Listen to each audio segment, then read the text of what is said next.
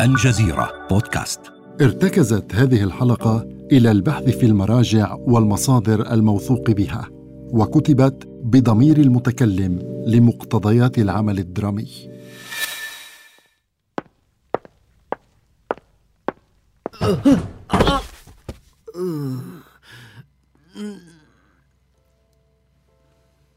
في تلك الليلة سقطت من أعلى الدرج إلى أسفله بلا سبب منطقي. لا أذكر ما حدث. لم أتعثر بشيء بل تعثرت بنفسي.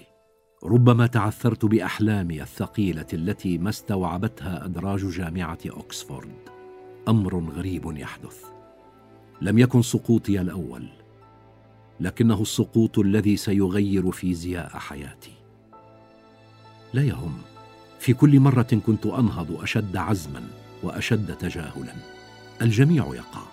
الجميع يسقط الجميع يتعثر وأنا كهؤلاء قد أقع مرة واثنتين وأكثر. لم أكترث للأمر إلى أن ستعيش سنتين أو ثلاثا لا أكثر. اذهب وامض ما تبقى لك من أيام بسلام. افعل ما تحب وحاول أن تنجز ما أردت إنجازه في هذه المدة. كان ذلك صوت الطبيب. ماذا يفعل إنسان حدد أهل الطب موعد موته؟ ماذا يفعل غير إحصاء الأيام والساعات والدقائق؟ ينتظر تلك اللحظة بملل. يستعجل الموت كي لا يقتله وجع الانتظار. ماذا تتوقعون من شخص يعرف تاريخ رحيله؟ أن يبتسم؟ أن يواصل أبحاثه؟ أن يؤلف كتبا؟ أن يحب ويتزوج؟ أن يحلق؟ كل ذلك يبدو سرياليا أمام الحقيقة المرة لكنني حولت تلك السرياليه إلى واقع. حسنا فلأمت بعد سنتين لكن إلى حينها لن أنتظر الموت فاتحا ذراعي. سأفعل ما أستطيع فعله. سأزعج الكون بأسئلتي وبحثي وفضولي واكتشافاتي. سأبحث في كل شيء عن كل شيء. سأثير الجدل سأكتب سأحب سأكون زوجا وابا. سأكانف نفوسا مستسلمة سأخسر الكثير من جسدي ستسكن أعضائي لكن فكري لن يسكن. اليوم ستتعرفون إلي أنا ستيفن هوكينج الذي نهل من اليأس قوة ومن القعود وقوفا ومن الصمت صدى. اليوم تستمعون إلى حكاية كاملة في بودكاست رموز من الجزيرة بودكاست أقدمها إليكم أنا محمد. ويحدثكم ستيفن هوكينج بصوتي. وترافقني في هذه الحلقة إيمان.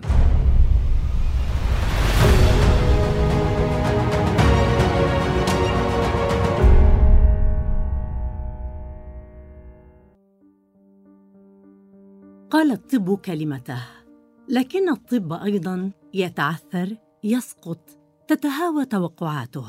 لا بسبب سوء تشخيص الحالة البيولوجية. بل بفعل سوء تشخيص التصميم والحلم. غلب الحلم العلم بثلاث وخمسين سنة إضافية. عاش ستيفن الحالة التي وصفها الأطباء إلا أنه لم يعش المدة التي حددوها ربما هو سر آخر من الأسرار الكبرى التي قضى عمره يفك شفراتها غارقا في معادلاته وإشعاعاته وثقوبه. وحده هو قادر على كتابة تلك الحكاية وسردها بحنجرتين.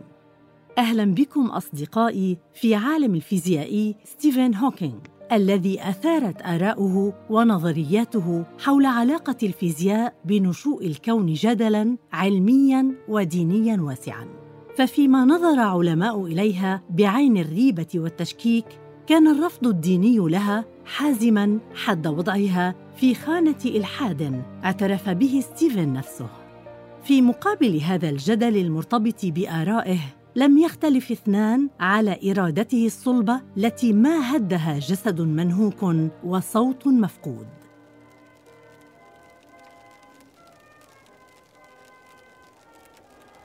الثامن من يناير كانون الثاني من عام 1942 تاريخ ميلادي الأول.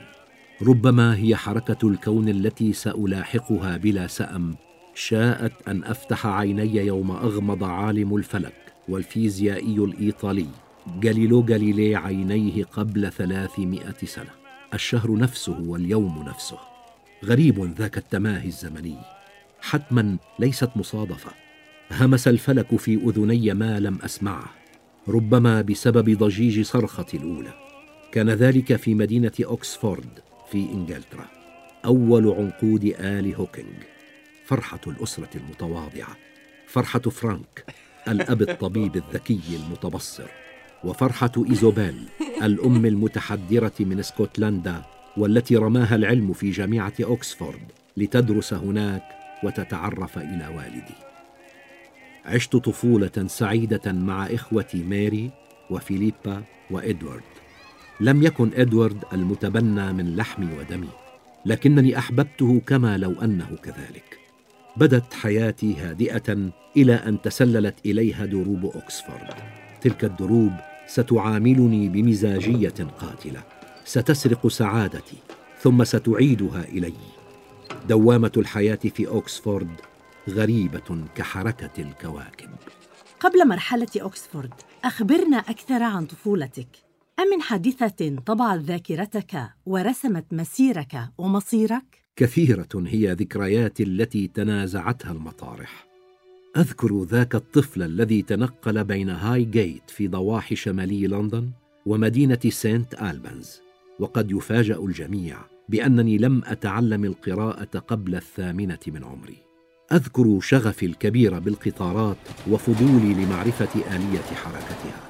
أذكر أنني ابتكرت حاسوبين مع عدد من زملائي في بداية الخمسينيات. أذكر أنني كنت كثير التحديق في السماء والنجوم كعاشق صغير. وطبعا لي ذكريات كثيرة في سينت ألبنز المدينة التاريخية الواقعة شمال وسط لندن. انتقلنا إليها عام 1950 بعد تولي والدي منصبا مهما. هناك الحياة مملة ومنزلنا أشبه بقلعة محصنة لا تستقبل احدا. ومع ذلك ابتسمت لي كل زاوية في تلك المدينة. عجنت طموحي الصغير وفيها اختمر. خطت مدرسة سينت البنز بعضا من ملامح فيزيائي الفكرية وتوجهاتي العلمية. ما معنى ذلك يا أينشتاين؟ حتما لم يكن أينشتاين أستاذنا. أينشتاين هو أنا وذاك الأينشتاين لم يكن استاذا يجيب عن سؤال تلميذه بل هو مجرد تلميذ في مدرسة سينت البنز ما كنت متفوقا أو متقدما على أترابي في تلك المدرسة التي تفوح فيها رائحة المكانة والمزايا الاجتماعية. ما همني ذلك بل أقر بأنني تأخرت عن الجميع قبل أن أستدرك ما فاتني وأطور فضولا غريبا ومبكرا حول كيفية عمل الأشياء. كنت أردد على مسامع زملائي في الصف اقوالا غريبة من قبيل إذا فهمتم كيف يعمل الكون يمكنكم أن تتحكموا به بطريقة ما. تفكيري المختلف الذي غاب عن أساتذتي لم يغب عن زملائي. راح هؤلاء ينادونني أينشتاين بلا توقف. لا أنكر أن اللقب أعجبني وترك بصمة في مسيرتي. كلما تذكرت كلماتهم ابتسمت وقلت لم لا أينشتاين هذا الاسم يليق بطفل أراد التطفل على أسرار الكون. حسنا يا ستيفن فلنترك الذكريات ولنذهب إلى المستقبل. ماذا بعد المرحلة المدرسية؟ علمني والدي أن أسأل عن كل شيء لكنه ناقض ما علمني إياه ذات ليلة. لم يمنحني فرصة لأسأل عن سبب إصراره هو ووالدتي على أن أتخصص في الطب. اختارا ما لم أنشده يوما. ما أحببت الطب ببساطة. أردت أن أدرس الرياضيات. نجحت بإلحاحي في إقناع والدي بالتخلي عن مراده لتحرير مخيلتي. ربما فهمت أمي أن سبب تحديقي في السماء ليس عبثيا وأن النجوم تجذبني وتناديني. لم ترد إجهاض شغفي قبل ولادته. ربحت الجولة الأولى. توجهت إلى جامعة أوكسفورد عام 1959 لأجد نفسي غارقا في الرياضيات والفيزياء. لم أحقق الكثير هناك رغم أن أساتذتي وأصدقائي يقولون خلاف ذلك. لم أكتشف شيئا مهما من خبايا الفيزياء الكونية التي أبحث فيها. لكنني اكتشفت سر فيزياء جسدي المتغير. اكتشفت ما سيصدع ذاتي ويبعثر براعم أحلامي ويطفئ سمائي. أمر ما يحدث. أمر غير طفيف. ما عدت مرتاحا في ممارسة هواية التجديف التي عشقتها في اوكسفورد ما عدت مرتاحا في التنقل. ما عدت قادرا على التحكم التام بحركتي. قدماي تسبقانني تحذرانني تغدرانني. سيري غير منتظم. أقع بلا سبب. أقع وأقع وأقع. مللت ذاك الوقوع الغريب. بدأ الهم يتفشى في رأسي وعلامات التعب تفضح أطرافي. ماذا يحدث؟ ما بال جسدي يحاربني الآن بالذات بعدما أقر أساتذتي في جامعة اوكسفورد بتفوقي وما قتلوا رغبتي في الانتقال إلى جامعة كامبريدج. فمنحوني درجة ممتاز في الاختبار النهائي الشفهي. في السنة الأخيرة من دراسته في أكسفورد لم يعد ستيفن قادرا على إخفاء صعوباته التنقلية أو إيجاد حجج لوقوعه المتكرر. ذات ليلة وفي ساعة متأخرة دوى سقوطه على درج جامعة أكسفورد الطويل.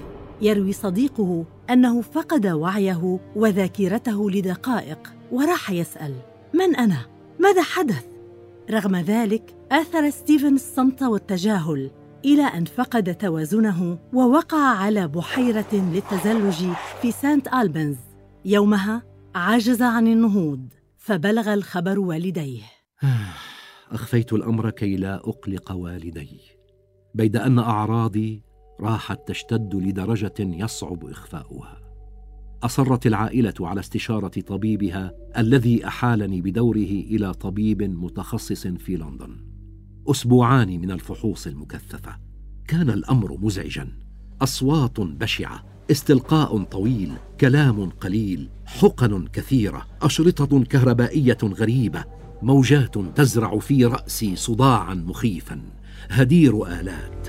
رغم أن نبضات قلبي بدت طبيعية كان الألم الداخلي غير طبيعي.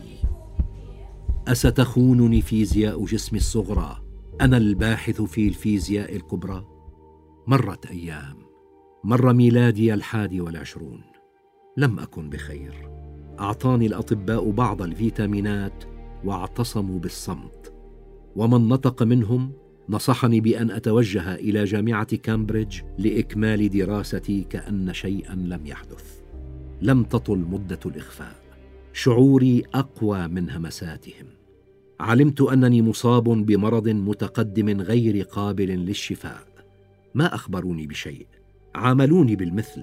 أخفوا علي كما أخفيت عليهم إلى أن اتضحت الصورة. هو التصلب الجانبي الضموري. مرض نادر يصيب الخلايا العصبية الحركية فيتلفها تدريجيا. ويتفاقم بمرور الوقت ليشل جميع العضلات ويحرم المصابين به تحريك أجسامهم والقدرة على البلع والتكلم وحتى التنفس. كان ذلك عام 1963 هذا المرض سينهش أعضائي لكنه سيرأف بدماغي فيتركه قابلا للعمل. ليس الأمر مطمئنا. ما حاجتي إلى دماغي طالما أن الأطباء حددوا تاريخ وفاتي. قالوها لي بواقعية تحاكي واقعيتي. ستعيش سنتين وإن حالفك الحظ ثلاثا.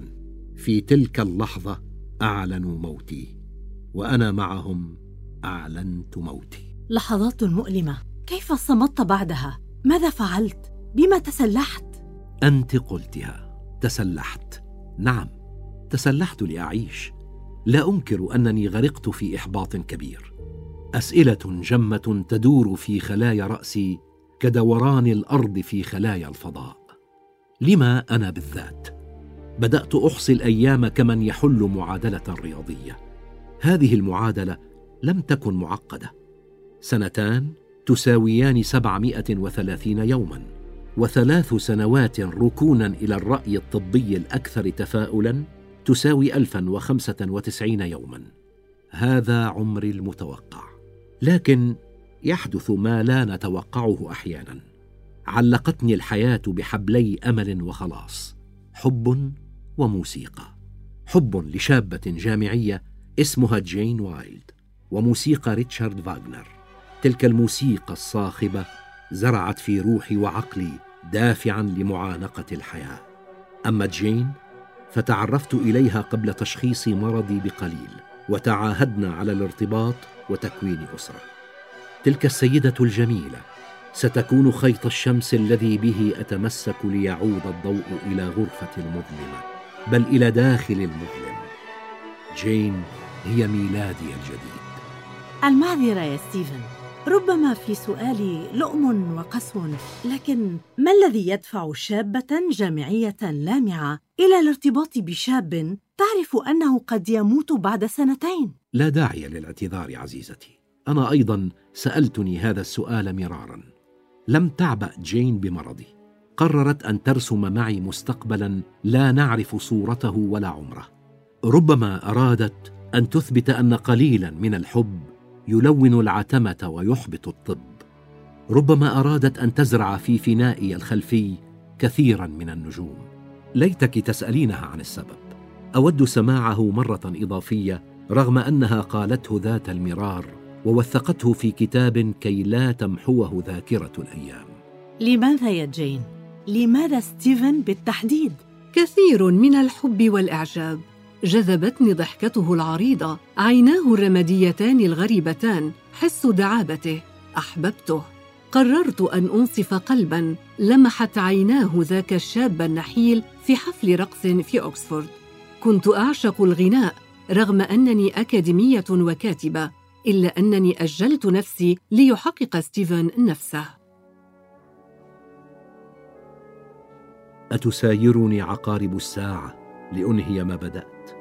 أتمنحني أكثر من سنتين لأتمكن من كتابة أطروحة الدكتوراه في كامبريدج؟ سأتبنى سؤالك يا ستيفن. هل أنعمت الحياة عليك بوقت كاف لتحقق ما أردته في جامعة كامبريدج؟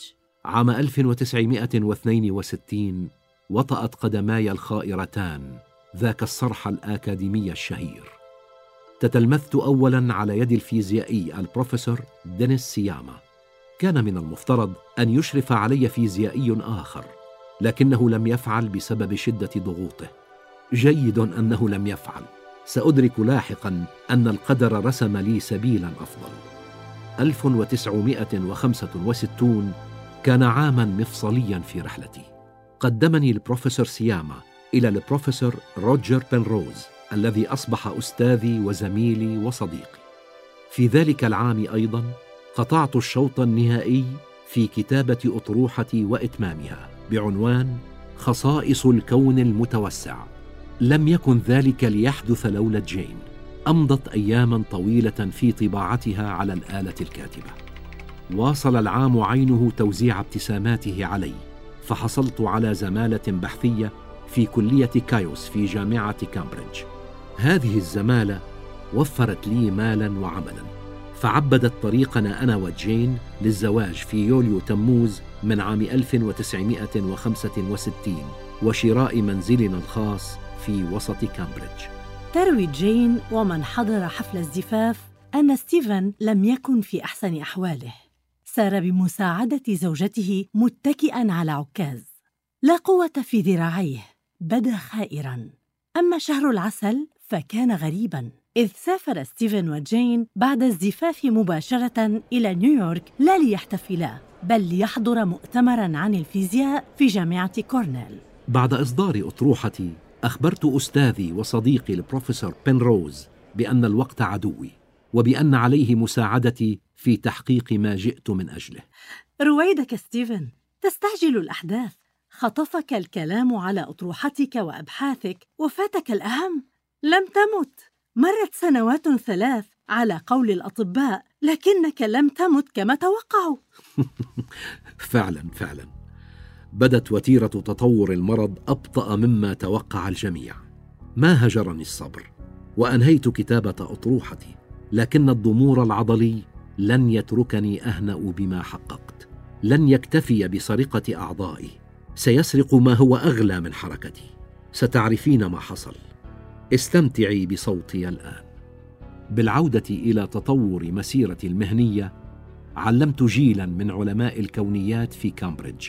وفي بداية السبعينيات ركزت على نظرية الانفجار العظيم فوجدت أن مفتاح الجواب يكمن في الثقوب السود.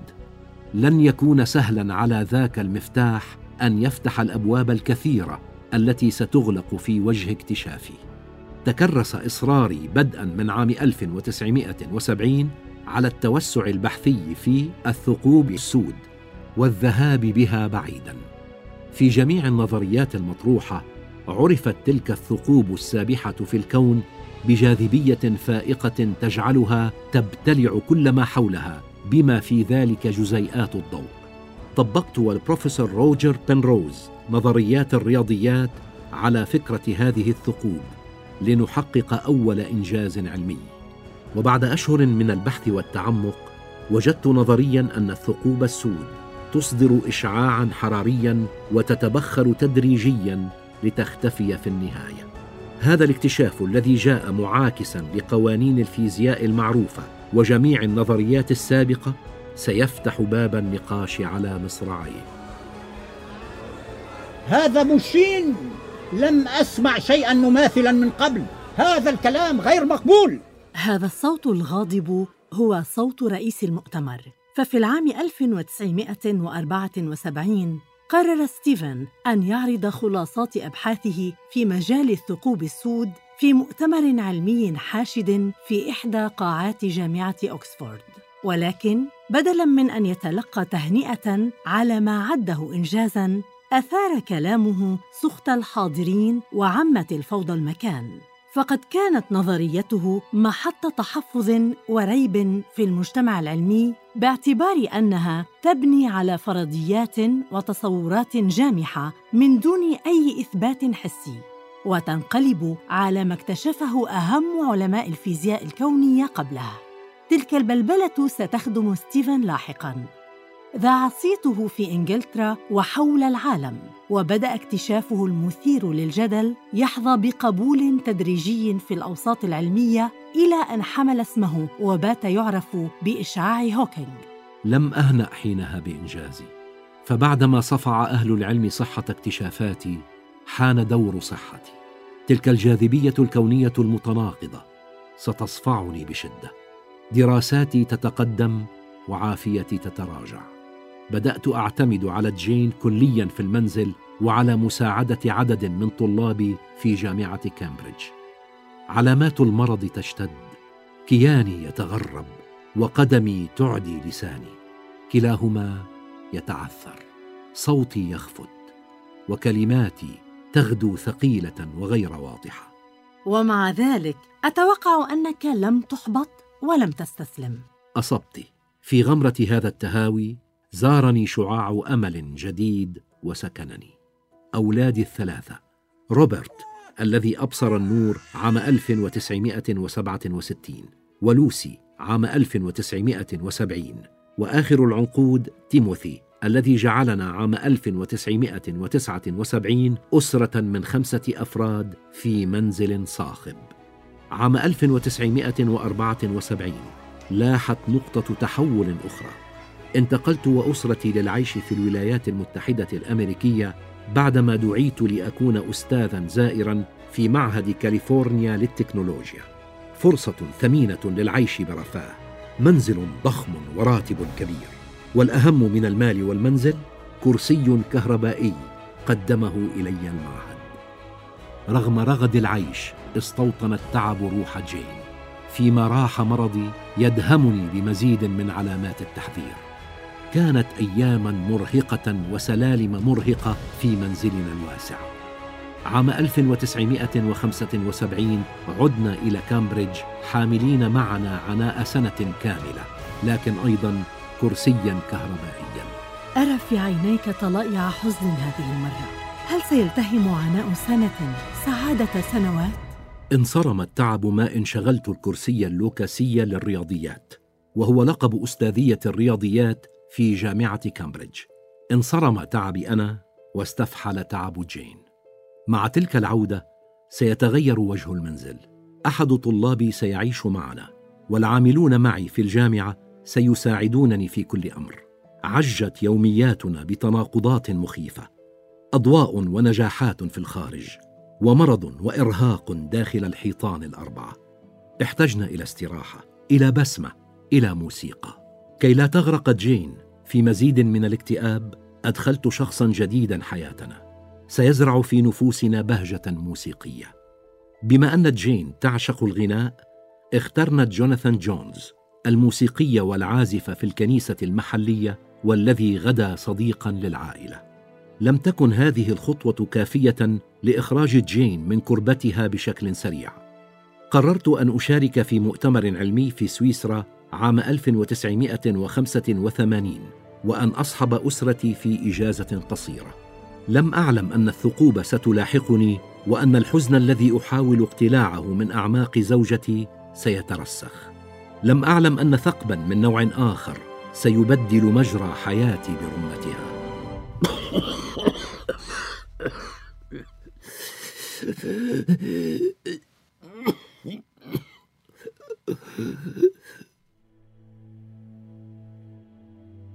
ما هنئ الرجل برحلته إلى سويسرا. أصيب ستيفن بالتهاب رئوي حاد دفع الأطباء إلى وضعه على جهاز للتنفس.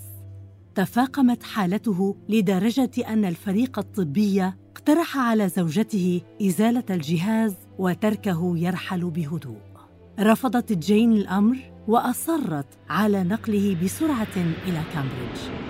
أسابيع قاسية أمضاها ستيفن في العناية المركزة قبل أن تتحسن حالته ويختفي الالتهاب ولكن سيختفي معه أمر آخر صوته الطبيعي ليعيش عليه أن يرتضي بثقب في قصبته الهوائية لوصله بجهاز يمده بالأكسجين.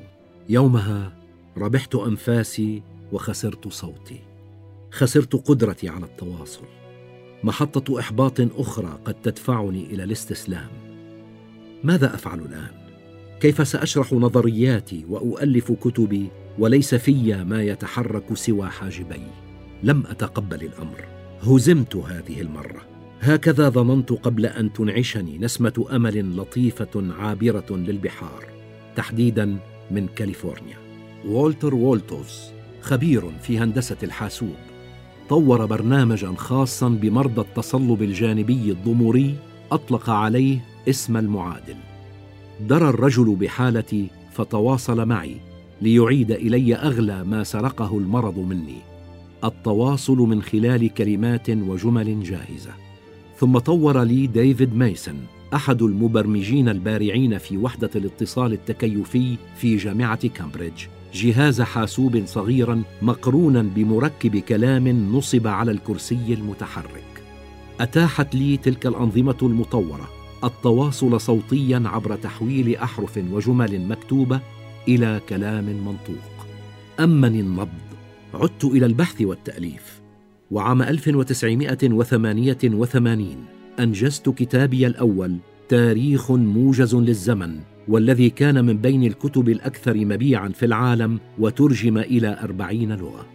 بدءا من هذه اللحظة ستسمعون صوتا آخر. هو ستيفن نفسه لكنه ليس نفسه بالفعل. هو ستيفن بصوته الجديد. هو صوتي الجديد. هذه الآلة أصبحت حنجرتي المفقودة. أحبتني الفيزياء وتمادت في حبها حد التغلغل في جميع مفاصلي. باتت تسري في حبال صوتي. لا يهم طالما أن حبال حياتي لم تقطع بعد.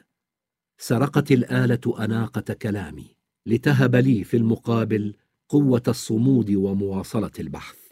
باتت جزءا من لحمي بل من فكري. حتى نفسي الأخير زفرته عبرها. وها هي الآن تسعفني لأروي ما تبقى من حكايتي. هذه الآلة ستغدو شريكة في صنع الأضواء والشهرة. تلك الأضواء الجميلة نفسها ستغلف سكنة العائلية بعتمة حالكة. مرة أخرى انتصرت الحياة على قول الطب لكنني خسرت من كانت سبب تلك الحياة. خسرت جين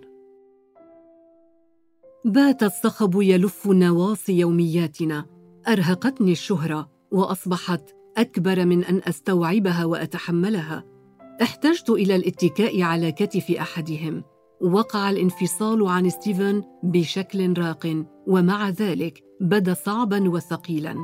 ينبغي لي أن أستأنف رحلة البحث عن هويتي أن ألملم أشلاء أحلامي المتناثرة. بين عشق موسيقي أخرته 26 سنة وعشق كتابي مكبل حررته في مذكراتي مع ستيفن.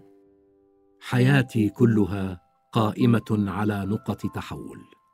عام 1990 انتهت حكاية الأسرة الهانئه انفصال تلاه طلاق بعد خمس سنوات.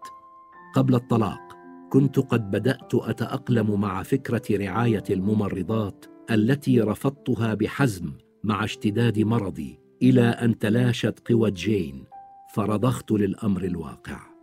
من بين هؤلاء الممرضات شاء قدري أيضا أن أتعرف إلى إيلين ميسن. ممرضة لطيفة أحبتني واهتمت بي في مرحلة حاجتي إلى عناية دائمة وما اخفت تقربها مني. كان حبا سريعا وزواجا سريعا عام 1995 وبعد عامين ارتبطت جين بالموسيقي جوناثان جونز. استعدت مع إيلين بعضا من سرور ظننت أنه هجرني أبدا. كانت تلك الممرضة سببا جديدا لتقدمي المهني واستمرار رحلتي التي طالت أكثر مما توقعت.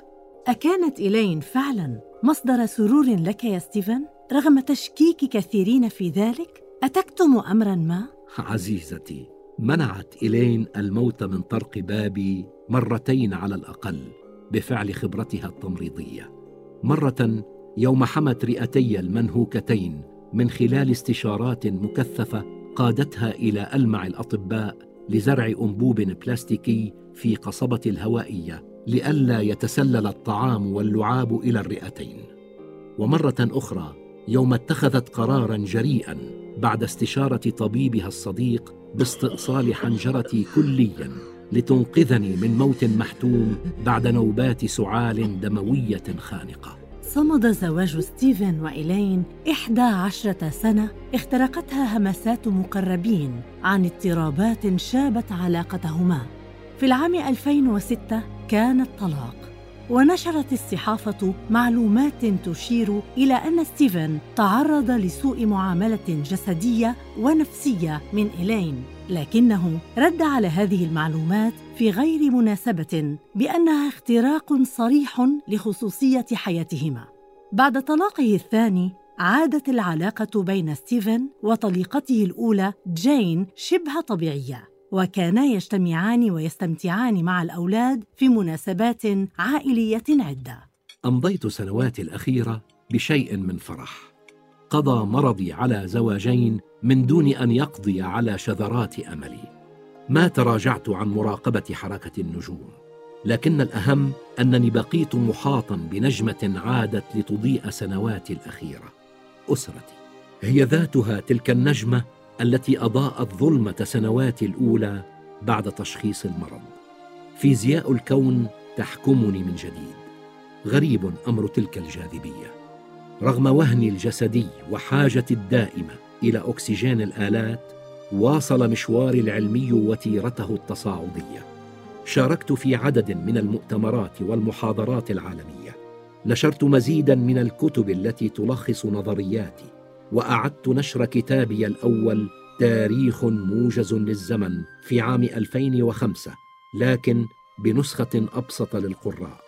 كما حولت فصول حياتي إلى فصول في كتاب بعنوان تاريخي الموجز عام 2013 وما فات ستيفن التعبير عن آرائه ومواقفه من أزمات وقضايا عالمية تحاكي واقع الأرض بعيدا من الكون وفيزيائه.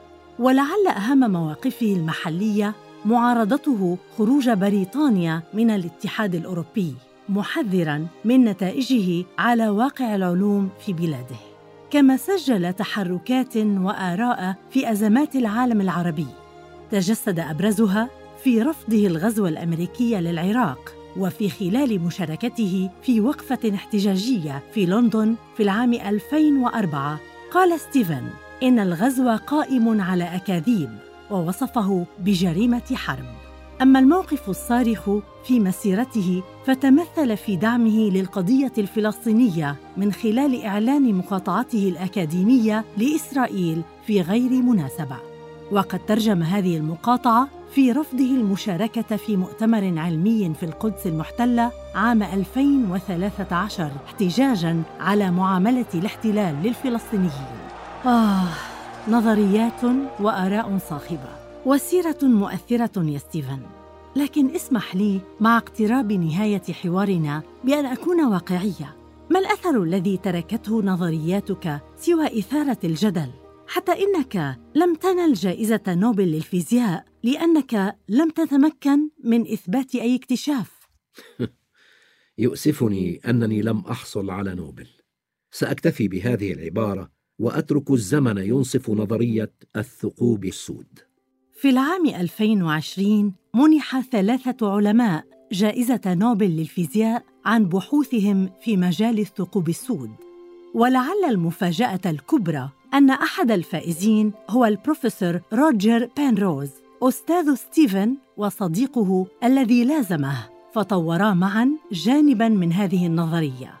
وعلق عدد من العلماء بقولهم إن ستيفن لو كان حيا لتقاسم الجائزة مع بانروز بيد أنه رحل قبل إثبات أي شيء. ومعايير جائزة نوبل لا تبنى على تنبؤات. صحيح أن ستيفن مات وفي نفسه شيء من جائزة نوبل رغم أنه لم يعترف يوما بذلك إلا أنه حاز عددا من الجوائز والألقاب والأوسمة. ومع ذلك بقي التشكيك العلمي في نظرياته قائما والرفض الديني لها حازما. فعلى المستوى العلمي بدأت اكتشافات ستيفن تنال القبول في أوساط علماء الكونيات من دون أن يسقط الانتقاد لبعض ما أتى به ووصف بالافتراضات الجامحة التي تنسف ما أرساه أهم العلماء من ثوابت فيزيائيه أما على المستوى الديني فظلت بعض آرائه ونظرياته المتصلة بنشوء الكون مرفوضة رفضا قاطعا. دعك الآن من الجوائز والجدل. أهم جائزة بل أهم تكريم لي هو التحليق. مهلا مهلا. أحلقت فعلا أم كان تعبيرك مجازيا ساخرا؟ أتيتك يا فضاء! حدث ذلك فعلا. عام 2007 تخليت لمرة وحيدة عن الكرسي المتحرك الذي آخى جلدي. حررت جسدي وحلقت في رحلة خالية من الجاذبية في مركز كينيدي للفضاء في ولاية فلوريدا الأمريكية. كان شعورا رائعا. عدت بعدها إلى أرض الواقع تاركا في ذاك المكان فتات حلم بالسفر إلى الفضاء يوما ما. بعد إحدى عشرة سنة من تلك الرحلة حلق ستيفن هوكينج مرة أخرى لكن تحليقه كان مختلفاً. سفر بعينيه اللتين بقيتا العضو الوحيد المتحرك مع كرسيه. في الرابع عشر من مارس آذار من عام 2018 أغمض الرجل عينيه في كامبريدج عن عمر ناهز 76 عاماً. عبور شاق وشائق حقق في خلاله كثيرا من أحلامه الفيزيائية والحياتية. وكان بذرة إلهام في بيادر عزيمة ما حدها جسد جامد وحنجرة مستاصله أغادر اليوم وفي ذاكرة جهازي الوفي أمنية واحدة. أن يترك علمي في الناس اثرا بقدر ما ترك مرضي ليست أمنية ستيفن وليدة العبث. نعم غلب الحلم العلم بثلاث وخمسين سنة. لكن الحكاية لا تنتهي هنا. فذاك العلم الذي وثق به ورفعه عن النقد والتخطئة اقترف في حق ستيفن أفظع خطأ. خطأ بحجم 53 سنة بحجم قلق رهيب. بحجم عمر كامل أمضاه الفيزيائي على حافة انتظار رحيل قريب حدده الطب فما حل إلا بعد أكثر من نصف قرن. في الحلقة المقبلة من بودكاست رموز سنتناول سيرة رمز آخر رحل وترك أثره في حياتنا. لا تفوتوا حلقتنا التالية ويمكنكم الاستماع إلينا عبر جوجل بودكاست أو أبل بودكاست أو ساوند كلاود. فقط ابحثوا عن الجزيرة بودكاست. كما لا تنسوا مشاركة هذه الحلقة وزيارة موقعنا على الإنترنت podcast.aljazeera.net كان معكم محمد. وإيمان من بودكاست رموز من الجزيرة. إلى اللقاء.